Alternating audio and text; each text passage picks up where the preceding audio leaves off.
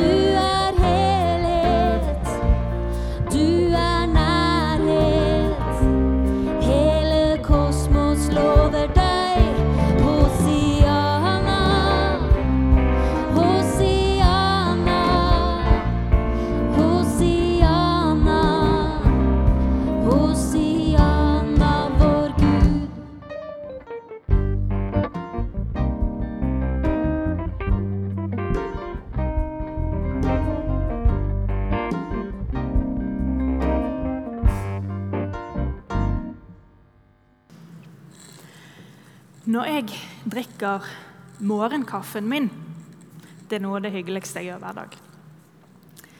Da leser jeg aldri avisen. Jeg hører ikke på radio, og jeg ser ikke TV.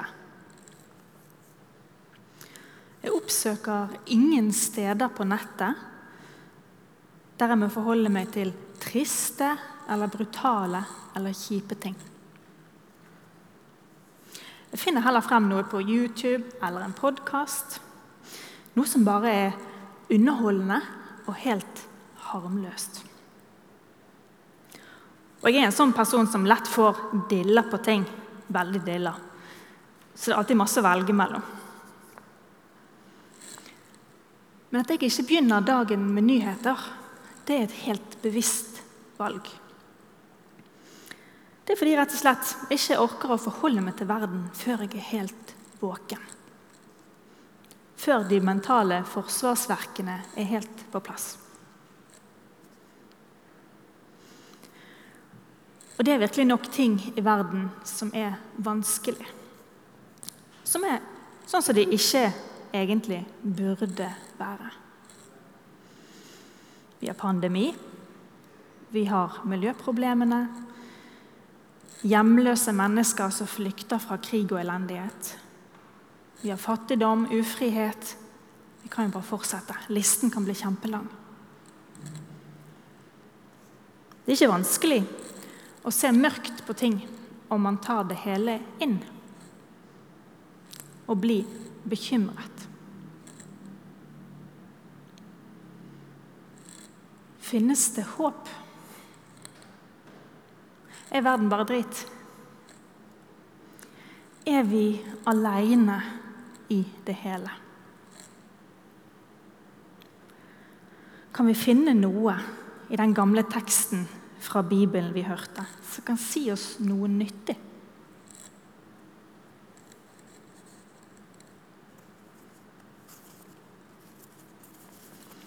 Hva hadde Jesus å si om verden som han var? For den var jo ikke mild og myk på hans tid heller. Tvert imot. Og Derfor snakket Jesus om Guds rike. Han snakket ikke om det sånn som folk kanskje forventet at han skulle snakke om det. Som noe som skulle komme en gang i framtiden. Som et digert og konkret oppgjør, der Gud skulle marsjere inn og fikse alt som var galt, og hive ut okkupantene og gjenopprette alt. Det tenkte folk. Nei, han sa at Guds rike, det er her alt. Det gode i verden. Kjærlighet, håp, glede. Alt det som Gud gir det vi alle, det vi alle trenger, det er her alt. Han snakker selvfølgelig i bilder. Jesus gjør veldig ofte det. Noen ganger er det vanskelig å forstå når han gjør det.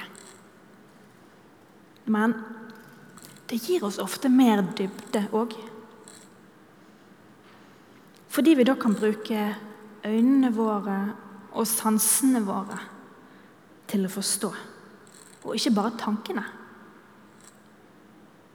Så han snakker om et lite frø som blir mye større.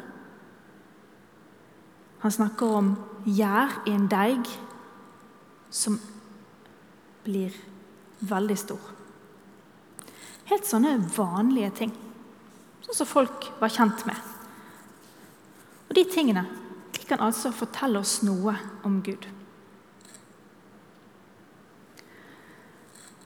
Så vet ikke jeg om disse bildene passer for deg. Jeg vet ikke om du liker å bake, eller om du dyrker ting. Det er jo litt forskjellig hvor mye man sysler med sånt. Men de fleste av oss har trolig bedre greie på dette enn på en god del andre ting Jesus snakket om. F.eks. sauer og brudepiker og oljelamper og sånn.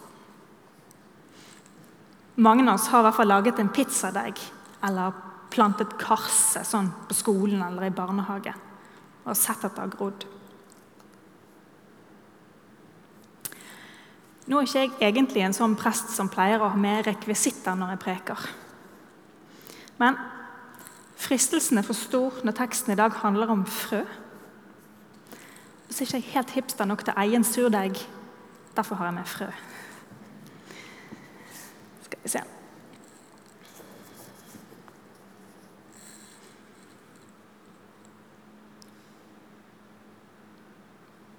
Det er ikke så lett å finne det. sant? Det er et sennepsfrø.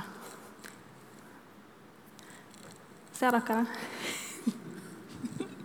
Det er ikke sånn kjempestort. sant? Det er Sier sånn, da. Ser dere det nå? Nei, det er kjempelite. sant? Men Derfor har jeg med selvfølgelig noe som er litt lettere å se. Dette her er sånne her helt vanlige gule erter fra butikken.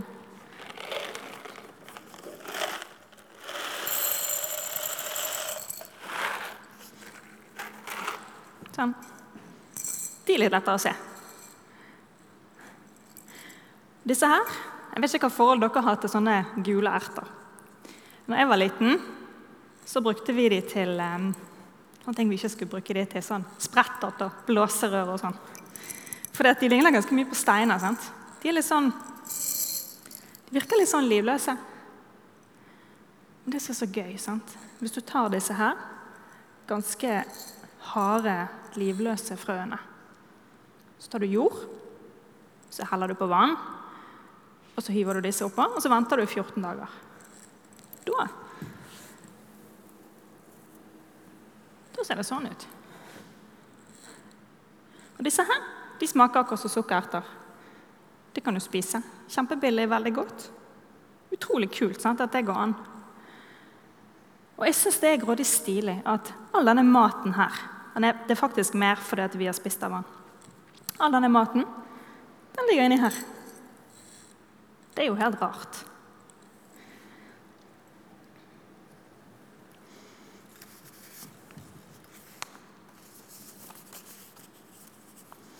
Og jeg tror at et av poengene til Jesus med å bruke det bildet i lignelsen han snakket, det er på en måte at det er det litt magisk hver gang det virker. Hver gang noe gror, eller hver gang bålene ikke blir flate og harde, så er det, det er helt hverdagslig. Det er noe som skjer hele tiden. Samtidig er det helt fantastisk. Og så vet vi at det tar tid. sant? Vi må vente litt. Vi må vente på resultatet. Og Jesus han fikk sagt utrolig mye om Guds rike med det bildet. Det ser vanlig ut, det ser lite ut, og så kan det vokse. Noe helt utrolig. Og så er det helt umulig å stoppe det. Og det er veldig, veldig fint. Og hvorfor sier jeg det? Jo, for hvis Guds rike er som frø eller som gjær, så betyr det at det gode i verden er her. Selv om vi ikke kan se det. Det er lagt i oss, og det er lagt i verden rundt oss. Og det lar seg ikke stoppe. Det gode lar seg ikke stoppe. Det er altså like sterkt som dette frøet sin innebygde kraft til å gro. Og til å bli det det var ment å være. Alt som spirer og vokser. Alt som puster, alt som lever. Det er synlig håp om at livet og det gode er her. Gud er her hele tiden. Når du våkner om morgenen og trekker pusten og lever, da er Gud der. Og vi ser det ikke alltid. Vi føler det i alle fall ikke alltid. Men det er alltid sånn. Gud er god, og Gud er her. Også på de dagene når det er vanskelig å tro på det, eller det ikke kjennes sånn i det hele tatt. For ikke lenge siden så feiret vi påske. Vi feiret at i påsken der vant livet over døden. Det gode vant. Og det betyr at Gud finnes alle plasser. Vi er ikke alene. Heller ikke det som er vondt og mørkt og føles uten håp. Gud er sammen med oss der òg.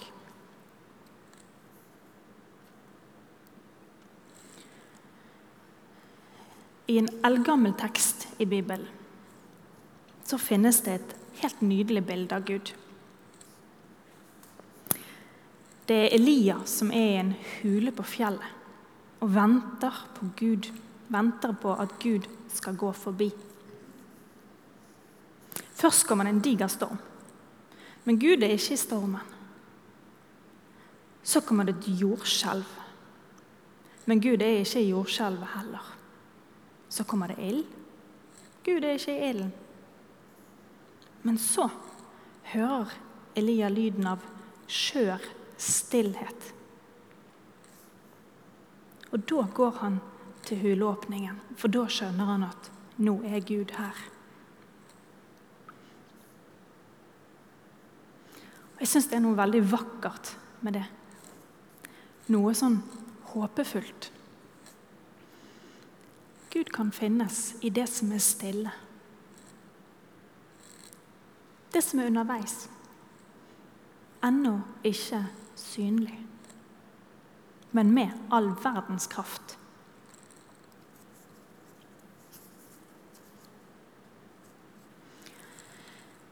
Jeg våkner ikke nødvendigvis hver dag full av håp eller full av glede. Verden ser nå engang sånn ut at det kan være greit å stålsette seg litt for å ta den inn. Men det betyr ikke at ikke håpet finnes.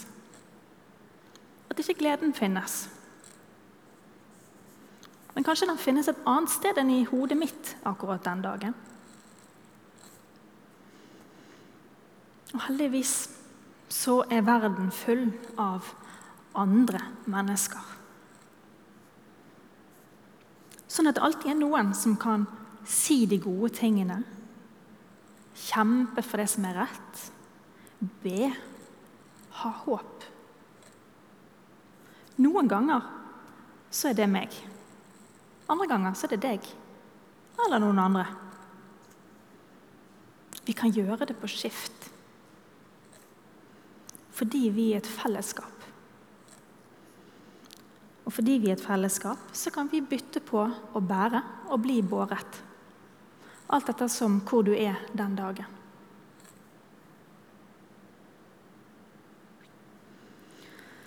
Så Neste gang du ser en løvetann som vokser rett opp på asfalten, eller lager en pizzadeig eller ser en and med en hale og unger etter seg,